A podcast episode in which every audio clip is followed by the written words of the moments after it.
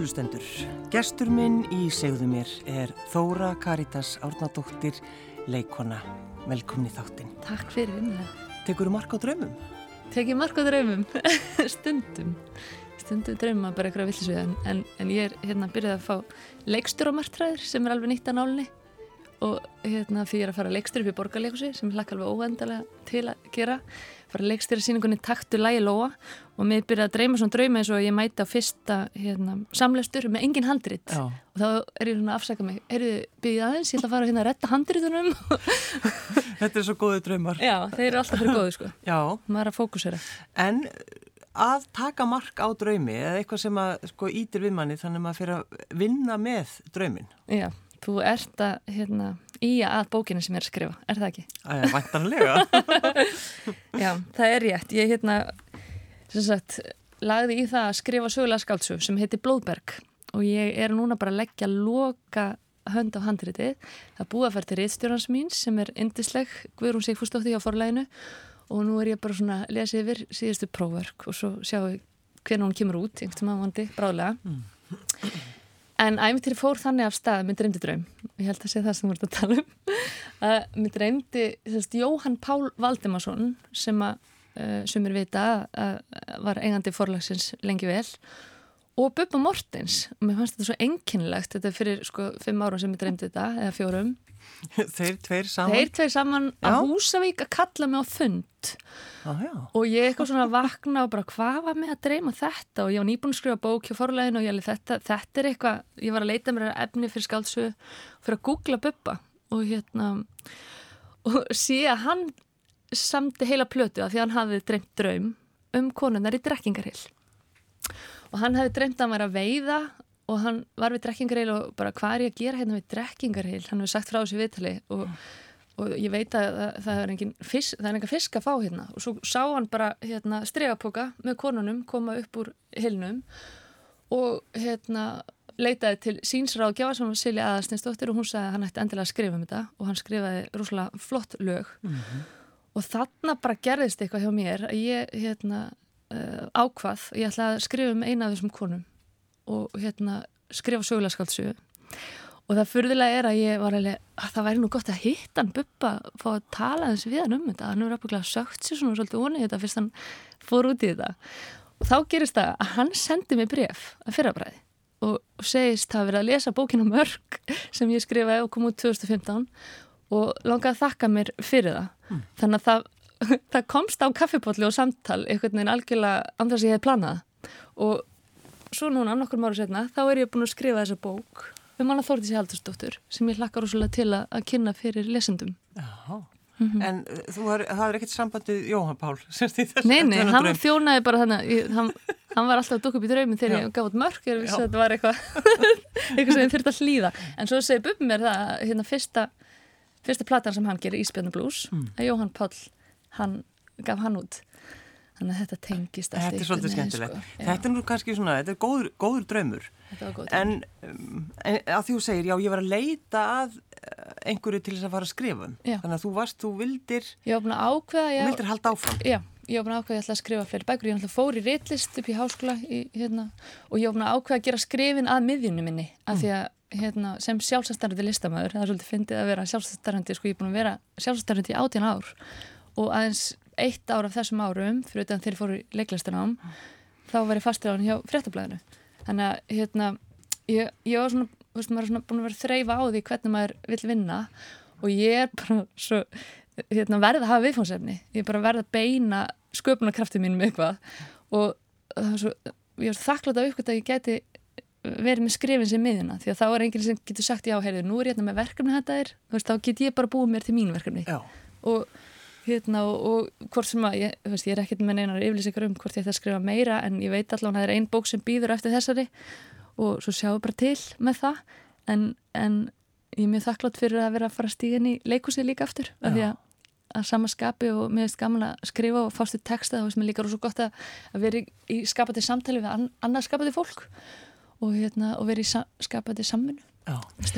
En sko Þóra Karitas, þegar þú skrifa bókina um móðina að þá einhvern veginn já, þú, það snýst allt um þessa bók og bara líðið eitt einhvern veginn, er það ekki?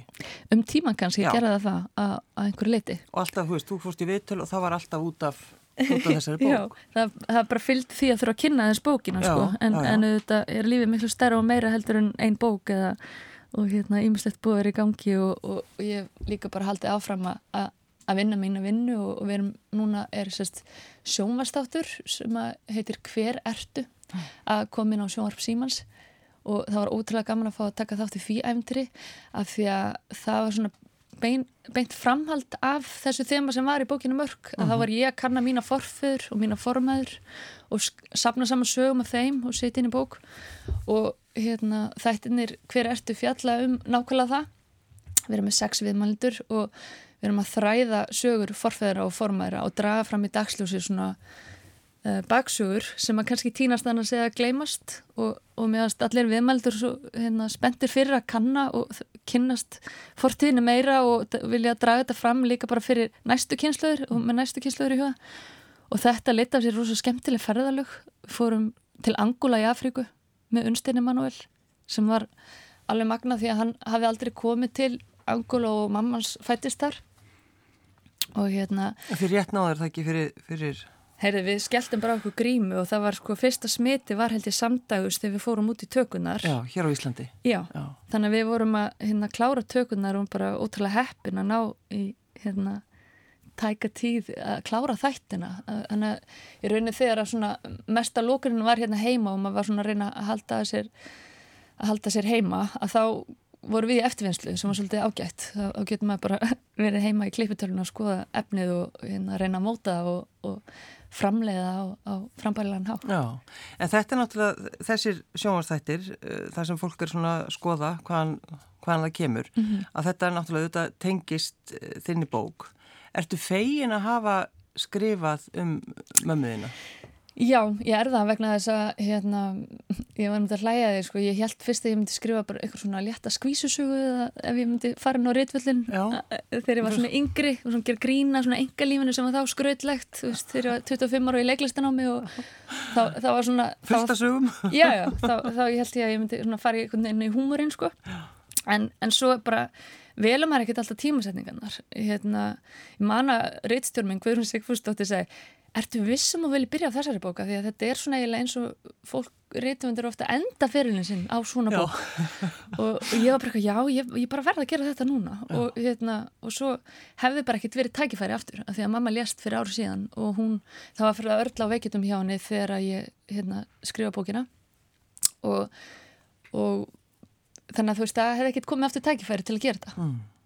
Þannig að maður verður stundum bara að fylgja þessum innri impulsum Jú, jú. og elda þá Já, það, er bara samt svo oft sem við sko hlustum ekki og, og vissum þá bara tækifæri. Já, já, nákvæmlega og það er maður bara svona meira og meira að sjá bara að það er ekkert eilíft í þessum heimi, maður þarf bara að nýta tímanum með maður er hérna og gera það sem kemur svona kannski oftar en einu svona upp í hugan Já. Af því að annars er maður alltaf í ykkur eftirsjáum að ah, ég ætlaði að ríki þennan og svo er hann bara farin En bókinu vakti miklu aðtekli, við ætlum ekki að fókusera á hana hér, Þóra Karitas, en þeir sem kannski hafa ekki lesið hana, að þetta er um móður þína og uh, hennar æsku og uh, ofbeldi sem hún var fyrir þar. Mhm. Já.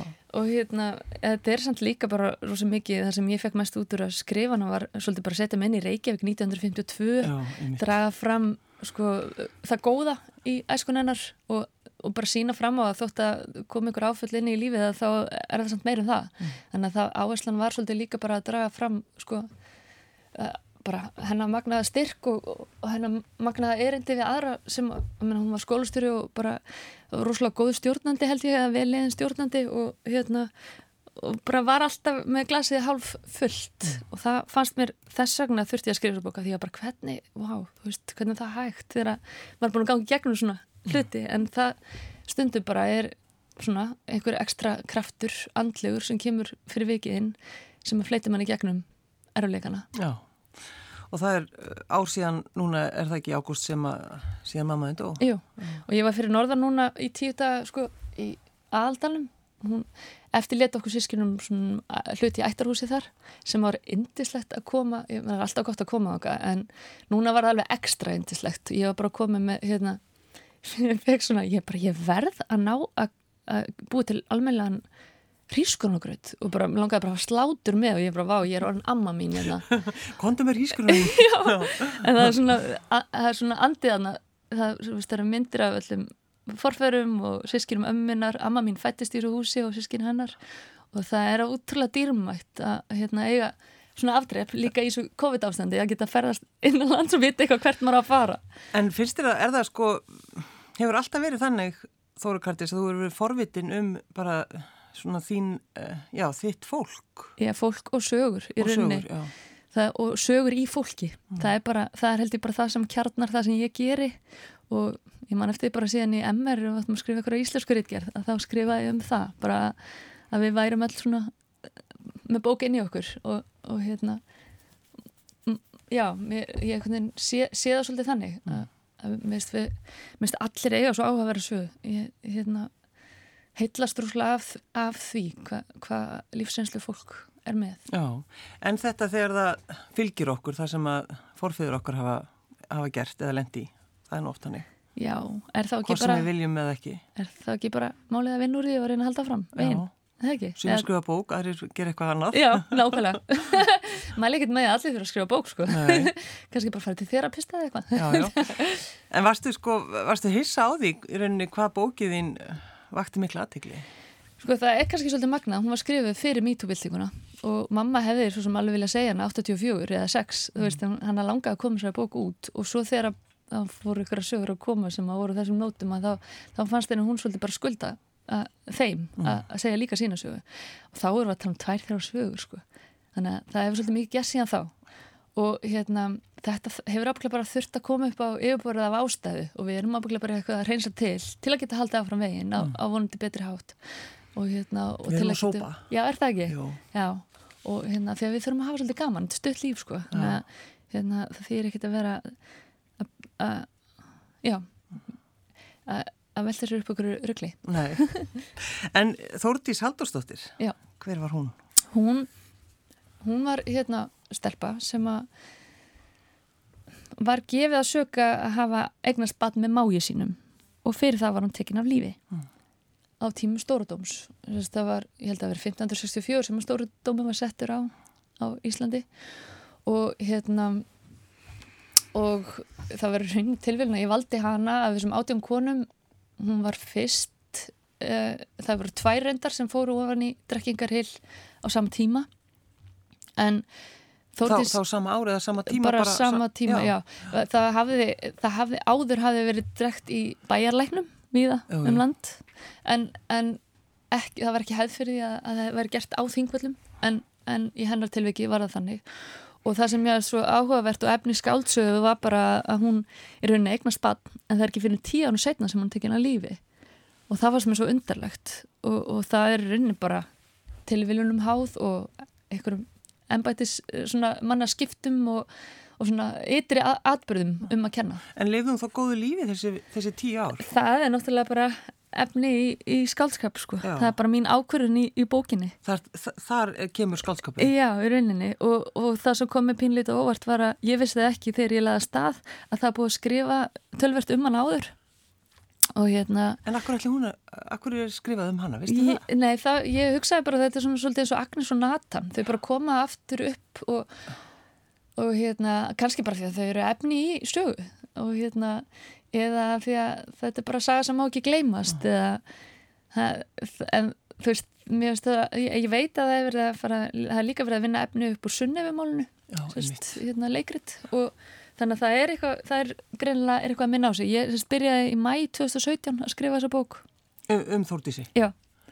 Og fór þá í hveragerði í mánuð og var í, hérna, það, það er svona vinnustofa þar sem er leið út til rítumönda og hérna, og þá bara fór ég að grúska í heimildum og fór að kafa ofan í allskeins heimildur og ég áttaði maður að þetta var kannski ekki besta tímabil til að Svona, hérna, til að velja í fyrstu sögulegu skálsuguna sem maður gerir það það, er rosa mikið gat þannig svona, svona skýslu síslumanna og svona eru til svolítið setna en þetta.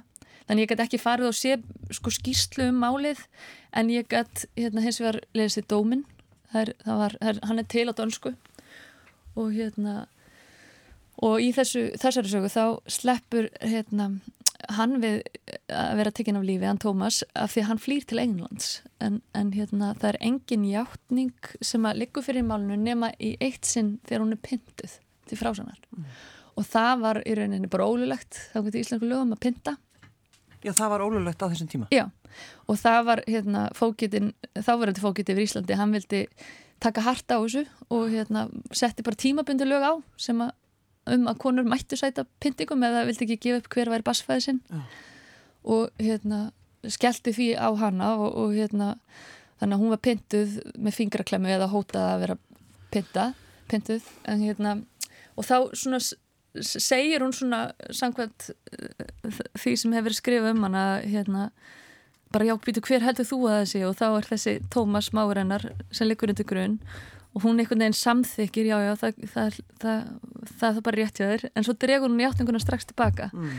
en leið og hann er komin í rauninni inn í, inn í atbyrjarásuna að þá flýr hann til Englands til að bjarga lífið sínu. Og það veit enginn hvort hann átti þetta batnið ekki. Og núna náttúrulega þegar fjarlægin hérna, er komin á þetta, þetta voru, þetta voru lög sem átti að gilda um aldru og æfi, stóri dómur á Íslandi, að þá sjáum við náttúrulega bara, þetta er eitthvað sem okkur finnst náttúrulega fárulegt að gera í dag að hérna, taka einhvern veginn að lífi fyrir að eigna spatt sko. Og þannig að þetta er svona ég held að ég hef svolítið bara einhver leiti valið þetta efni af rúslega mörgum ástæðum meðal annars bara því að ég var ekkert alveg að tengja við samtíman að mörguleiti og mér langaði svolítið að fara bara inn í hérna, einhvern meira einfallleika og meira út í náttúruna og hérna og, og svo samaskapi bara svo margt skríti í gangi í samtímanum og, og, og líka margt skrítið í gangi þarna, þú veist, þegar stóri dómur var þú veist, bara að vera tölum um Trumpismann og, og, og þetta. Þannig að þú veist, það, það kannski sína mann svolítið bara öllum tímum eru mjög stórir kostir og líka ykkur gallar og þetta vinnur einhvern veginn bara saman. En eru til til dæmis einhverja svona lýsingar á því hvernig hún leit út hún Þórdís? Mm, ekki þannig að það sé eitthvað óeiggjandi sko. Nei, akkurat. Nei, Þannig að ég hef svolítið bara séð hana fyrir mér og, og hérna já, ég hef svolítið bara búin að vera hanga með þessu fólki á 17. öll sem er svona ímyndaði karakterar í hausnum af mér og hérna síðan að fyrir mér bara svona sem og, og, sko, unga fallega stelpu sko, þetta var Viti, hérna, hvað, hvað var hún gömul þá er hún? Í bókinu minni er hún 27 ára þannig að hún lést 16 og 18 og það er eitthvað að reiki hvernig hún fættist nákvæmlega en hérna en ég ákveða hún er 27 ára og ég er alveg samfæra um hún hefur 27 ára. Mm, Já, sjálfsögðu. Það er þannig. En er það, er það eitthvað þannig þóru Karitís að Karitís að maður þarf að hafa einhverja reglur þegar maður skrifur svona, skrifa sögulega skaldsögu Þarf þetta að fara eftir einhverjum reglum? Nei, ég held bara endalist að reyna að brjóta það sko. Að, hérna, Ég held það sko því að um, maður náttúrulega, ef maður hefur áhuga einhverju þá sekkum maður sér ofan í heimildir og, og reynir bara að við að sér öllu sem að þetta er hug. En svo verður þetta líka bara organist ferli út frá því sem að maður sjálfur er að gangi gegnum í lífi sínu. Mm -hmm. og það á þessu tíma sem ég skrifa bókina þá var ég eignast bann í fyrsta sinn og, og ég er búin að eignast tvö bönn, tvo drengi. Og hún var eignast bann í bókinni og maður nýti bara líka það sem maður sjálfur er að, að fara gegnum og sittur það í skaldskapabúning og og hérna svo gerast eitthvað atvik batnum að brenni sig á höndinu eða eitthvað og þá rata það inn í bókina eða það er bara, þú veist, það er svolítið þannig. Þannig að það verður líka organist ferli og mér finnst líka gaman að vinna þannig með tíman bara við lefum á einhverjum tíma en, en ef ég set mig í, í, í þennan búning árið þetta þá, þá er ekkit endilega að vísta að hugsunhátturinn sé mikið öðruvísi en mér það svo gaman að fara inn í að því að grunnurum minn er líka úr Guðfræði. Ég var í Guðfræði í Háskóla Íslands. Og þetta var svona, þetta verkefni þetta bæði skóli minn í bara skálsakna gerð og líka ég fekk útráðs fyrir bara allt sem að ég hef svona stútirað því að eh, mér fannst þetta að vera svona ég fekk útráðs fyrir Guðfræðina, kirkisöguna þannig tími sem að það var messuskild og þú, þú varst í hérna það var Guð og þú trúðir á hann og þú fórst með bænir og allt þetta. Þannig að það er svo gaman að svona mér finnst það svo gaman, þetta er eiginlega leikarinn í mér sko, ég skrifa út, út frá leikarannum að bara stíga inn í hlutverk og allt í hennu að það er alltaf, við erum alltaf að býða eftir að sé svona, við fyrir að nýta meira af periódusögum í, í hérna, vonandi sjónvarstáttagerð það er alltaf að tala um að það sé svo dýrst þannig að ég fekk svo miklu útráðs bara að þarna getur bara fengið að vera í periódu bíómynd sem ég er að skrifa. En þú veist að hérna, án þess að það þurfa að vera bíómynd. En þetta er sem að sagan gefur okkur. Maður getur farið svona inn í allir leiði inn í einhvern annan, einhver aðra vít. Mm. og það er auðvitað bara já, drivkraftur um minni í þessu öll saman. Já, en það er bara einhvern veginn það er einhverja tilfinningar sem bærast innra með manni þegar maður stendur við drekkingarhil mm -hmm. Það er alveg rétt. Og það kemur manni svolítið óvart Já og það er búið að, mér finnst gott að sjá það er búið að gera ná, flott skiltið þarna það sem segir sögu, söguna sem átt sér staðna og þingvill er náttúrulega bara magnaður staður og, og, og ótrúlega fallegur þannig að þetta er líka mjög stórbróti umhverfi fyrir sögusvið. Og hérna og, og en ennum mitt þetta það er all, það er gálgaklettur þetta er allt svona örnefninu öll í ætt við bara það að fólk sé tekið á lífi já, drekkingar, hilur og, og gálga klettur og þannig að það er rosalega saga og, og hérna og bara rosalega mikil efni við í marga sögur, mm. það verður að skrifa átján sögur um þessar átján konur til en, dæmis. En er ekki svolítið mikilvægt fyrir okkur að ég mitt að gleima þessu ekki? Ég held það vegna þess að það bara þarf svo lítið til að við þurfum að halda vög okkar allavega. Við bara við, það er mjög fín lína hver ákveður lögin í landinu og allt þetta. Við þurfum að hafa gott fólk sem að eh, við getum treyst sem er við stjórn, stjórnvölinn hverju sinni og hérna og það er kannski svona, ef maður horfur á Trump og allt þetta, maður getur spurt sig Já, það er svolítið þannig. Já, og bara, það er, ekki, það er, það eru aftökur í bandaríkjunum. Það er mjög mikilvægt að maður viti að það, það hefur líka átt sér stað hér og við, þur, við erum kannski þakklátt fyrir að það er ekki þannig og viljum kannski, kannski eitt af þeim gildum sem við viljum halda á lofti mm. uh, og passa upp og gerst ekki aftur Já. Hvernig mamma ertu? Hvernig mamma er ég? Ég, ég bara, hérna gæti verið í Lego í fimm ár með fimm ára drengrum mínum og þess að taka eftir því sko bara ég bara finnst það ótrúlega gaman að hérna að kynnast þessum ungu drengjum og, og hérna, hanga með þeim mm. Eh, hvernig er, svona, hvernig er heimilislífið hjá okkur? Er þetta allt mjög skipulagt? Uh, ég myndi ekki segja það ég, hérna, ég ólst sjálf upp sko, mamma var skólastjórnandi og ég var reyndar í skólanum hennar á skóum undir eifellum og hérna og það var bara, minna, það var aldrei læst húsið og maður var bara þar sem maður vildi og kom heim þegar maður vildi og það var bara allt mjög frjálslegt og og hérna, það er kannski eina sem ég saknaði svona fyrir drengina minna þegar maður hefur allast upp í sveit þá langar mann helst bara að hafa leifaðum að vera alltaf í sveit sko. Mm. af því að hérna, það er bara eitthvað svo gott að vera nálega náttúrunni. En já, ég held að við séum bara svona frekar hef, með hefbundi fjölsköldur íf sko. En hérna en ég held að það sé samt kannski svolítið frálegt að mörguleiti er ekki, ég er ekki mjög svona með mikið reglum til dæmis en, en hérna Ég, amma, amma mín er svolítið fyrirmynd því að hún var, mjög, mín, hún var mjög góð vinkuna og hún sagði bara að væri ekki hægt að ofdegra að krakka með kærleik. Þannig að ég er svona, nota, það er eiginlega eina uppeldisstefnan mín.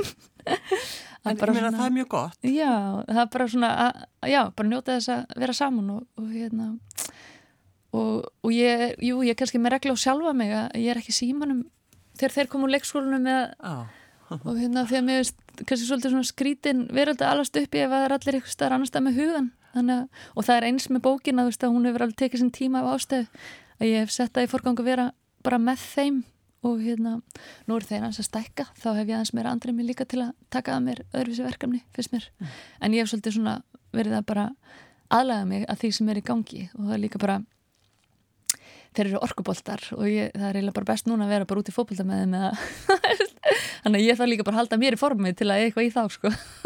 og annar er að hleypa svo rætt við fórum til Teneríf þegar að, sko, hann var tveggjara og ég var bara hann hljóp svo rætt ég sett hann í svona sandala sem hann, hann svona, fannst svona erfitt að lappi og svo, svo að fljóðvellinum þegar við vorum að leiðin heim þá vorum við búin að master þetta og ég sko, ég þurfti að hafa með alla við og hljópa af krafti eftir honum ef við þverjum að endurlega fljóðvellin þannig að Já, þeir hafa orku sko, mm. þannig að það er eins og það maður hérna, já, haldi sér formi fyrir hann. Já, hafa heilsu. Já. Hver er maðurinn þinn, Þóra Kvætas?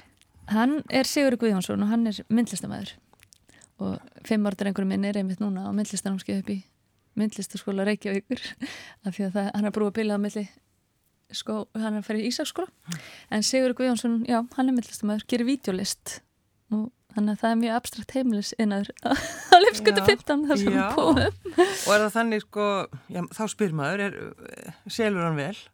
Selur hann vel, já, hann, að, hann gerir það. Og hann er að fara til Fenja eftir tvö ár, þannig að það var eitt af því sem var í kófinu. Og var svona þá voru við að tánum býtunum við hvað gerst næst? Og, e, hérna, hann voru leiðin í þangar náttúrulega já, Fenja Tvíaringin já, hann er fullur á Íslands um, á Fenja Tvíaringin sem átti að vera 2021 en er búið að fresta til 2022 mm. og þannig að hérna, nú vonum að bara að að bólöfni finnist þannig að það sé ekki oflant að býða það frestist ekki meira að verði svona eilifi fenniðafarin þannig að ég vil hlökkur rosalega til að, hérna, fara til fenniða, ég hef aldrei komið til fenniða mm fóreldra mínu fóruð þáka einhvern mann þegar ég var lítil en, en, en þegar áðurinn var fætt en ég hef aldrei komið. Hvar hittur hann?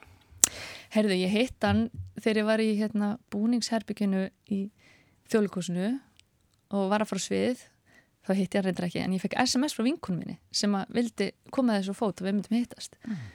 og hérna svo reynda leið tímin og það var ekki fyrir í desember og ég var hérna komið Já, ég var bara eitthvað, það var svo mikið að gera þá hjá mér í leikúsinu, ég var í mörgu síningum í, í þjóðleikúsinu, var í hart í bak og, og fleiri síningum og hérna Það er engan tíma? Engan tíma. Og ég var bara, já, já, fínt, vinkunum mín og þú ætlar að fara að skipta þér þessu og sjá um þetta fyrir mig ég hef engan tíma í þetta. Og svo, svo var það bara þannig, hún líka við hérna, hún bara fór með mig á Boston þar sem hann var og ég var bara, nei, nei, nei, nei, eitthvað. Svo, svo bara eitthvað, nein, gerist þetta. Og hann átti fjóru á dreng fyrir kynstónum og sem að rændi hérta mínu bara algjörlega og hérna og ég eitthvað nefnir þetta svo svolítið mikið að fá að styðja við hann, nú er hann svona útskrifað frá mér, hann hérna, býr núna hjá mömmu sinni sem er búin að búa í Berlín í síðustu þrjú árin og bara eindislegt hann að fara í mentarskóla og er náttúrulega bara uppáhald litli bræðra sinna. Já. Já, þannig að það er svona þið þurfum kannski svolítið að, að skipulegja ykkur og einmitt akkurat á þessum tíma að búa til vinnu. Já, við, það er bara, við erum bara heppin að, að það er við erum bara eh, heppin í þessu ástandi að það er nóga verkefnum mm. og hérna og þar sem kom, kom okkur í gegnum hann að marsa að við erum alltaf með lítið börn og vorum heima eins og margir sko með bara hérna, að vinna heima og þar sem hjálpa okkur þá var að, að við skiptumst bara á að fara á vinnstofuna þess að tala með vinnstofunni í bæ, klappastík og vorum bara mjög skiplögð og það var bara fyrir háti og eftir háti eða annarkvæð dag það var bara við skiptum þessu mjög bróðulega mitt okkar mm. af því að þegar maður er með tvo litla kraftmikla þá er bara maður hugsaður ekki heila hugsun nema þegar maður færi að vera aðeins eitt með sjálfsir þannig að þetta bara við erum bara heppin að hafa skilning á því að, að, hérna, að það eru álagstímbildi skiptis og best að hafa ekki á saman tíma. Mm. þannig að hinn getur sendt vel heimilina með hann Já, þannig að þið eru svolítið skipilögð Jú, ætla það ekki. Jú, Ég held að maður þurfi kannski pínlítið að vera þegar maður ætlar að hérna, skrifa heila bóku En hann er það að kenna er það ekki líka? Hann Mali. hefur verið upp í listaháskóla, já. já. Og hérna hefur sér þar um videoverið í raunni þannig er svona já, það er í raunni leita, það leitar hálft landi til hans þegar það eru tæknumvandamál þá kemur hann, ef það verður að opna millisýningu þá er mjög oft ringt í hann og bara heyrðu, getur þú komað af því að hann, hann er svona, já, framskarði í þessu á þessu vídeosviði sem hann er í og, og bara gerir alveg ótrúlega flotta myndlist að mínum að þið já er, er hérna hjá Berg Contemporary á Klappastík og þau halda vel utanum hann og, og hérna, hann hefur verið að sína bara um, út um allan heim síðan ég kynst honum sko. En um, að því að það er mikið að gera hjá þau núna mm -hmm. og, og, og leikúsið, þú varst, er ekki, þú varst svolítið hægt þar eða? Já, ég fór bara í reillistina algjörlega bara langaði til þess að setja fókusun á skrifin Já. og svo bara var ég fann að sakna leikúsins og alveg rosalega mikið allt í hennu hérna, síðustu mánuði og þá hérna, var ég svo heppin. Meina, ég skrifin koma eins og var einn útskriðaðan svolítið út frá leiklistin líka. Að, hérna, ég fór svolítið bara svona mér langaði að reyna að mastera svolítið handritarskrif og bara með það í huga að vera með frumsami efni til að framlega síðan mér og, og þetta er allt bara svona ég er bara rosa þakklátt, ég er að fá rosa mikla þjálfun í skrifun og hérna og svo gerist það að ég var búin að semst, vera að skoða nokkuð verk til að setja upp bara í vegum uh, til að leikstýra eða að leika í og var svona aðeins að þreja fyrir mér. Og svo bara var þetta svona eins og mattsa tindir með borgarleikusið hérna, ég var semst, búin að falast eftir réttinum á taktulega í lóa og, og hérna svo fæ ég skilabóð frá í rauninni skandinavisku umbúrskrifstöfni sem sér um réttindamál og og hún segir mér að það sé annað leikus og ég, ég sagðist alltaf að reyna að finna meðframlegenda vegna þess að hérna, þetta var dýrari pródusjón en myndi og stærri pródusjón en með myndi þegar ég sá hana. Ég sá hana fyrir 25 árum í þjóðlikursinu og heitlaðist algjörlega af Lollu. Hún bara söng sig og leik sig inn í hug og hjörtu þjóðarinnar og þar á meðal mitt hjarta. Það vakti mjög miklu aðteglið með þetta leikrið Já, ég man svo mikið eftir sko bara það var myrkur og röttin hennar að syngja. Já, það er það sem ég mann úr síningunni Já, mest. Já, og, hérna, og það bara satt í mér og þannig ég var alltaf inn og bara, að taktulega í lóa, mér langar að setja það upp. Og, og svo hérna, er mér sagt sérst að sé annað leikur sem fallist eftir og hvort við séum í samstarfi. Og þá bara komst á samstarf og Bryndur Guðjónsdóttir ringdi í mig og svona, fór að velta fyrir sér hvað hva ég hef haft í huga.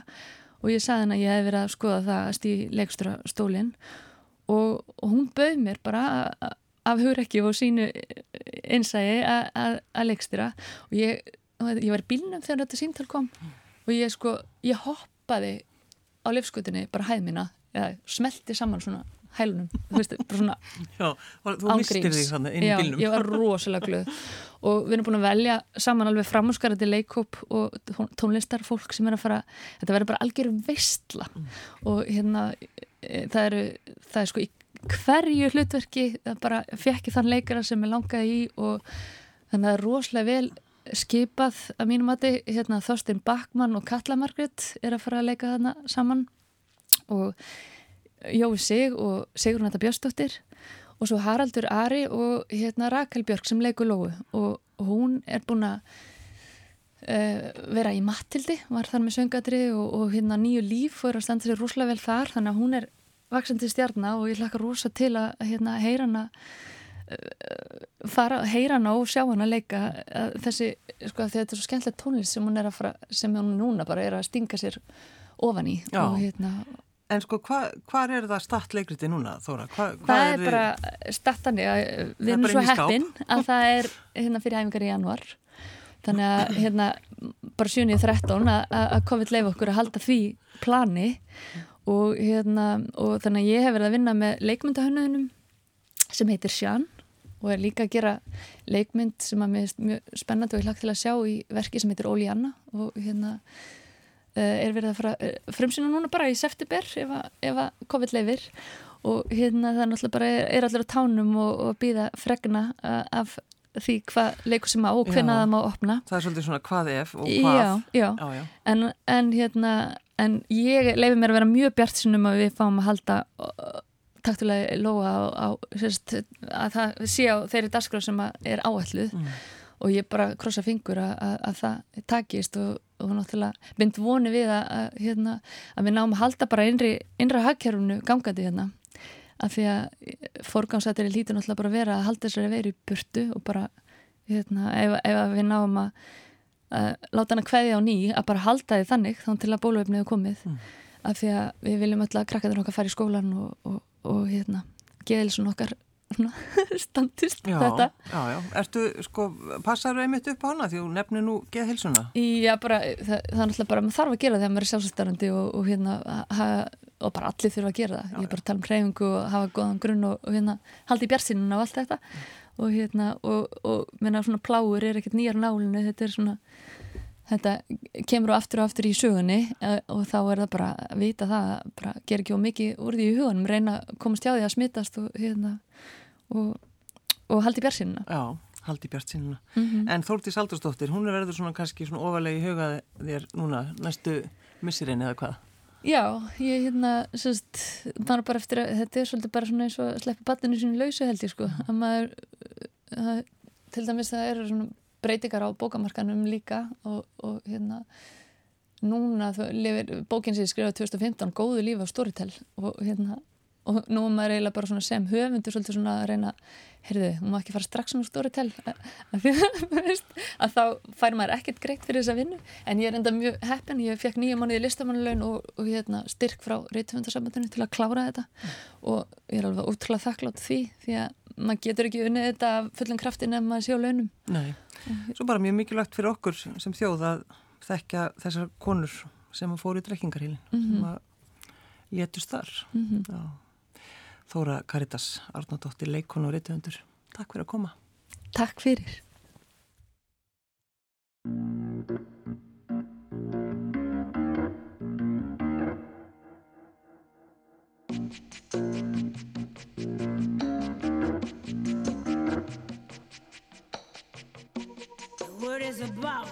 There's something evolving. Whatever may come, the world keeps revolving. They say the next big thing is here, that the revolution's near. But to me it seems quite clear that it's all just a little bit of history repeating.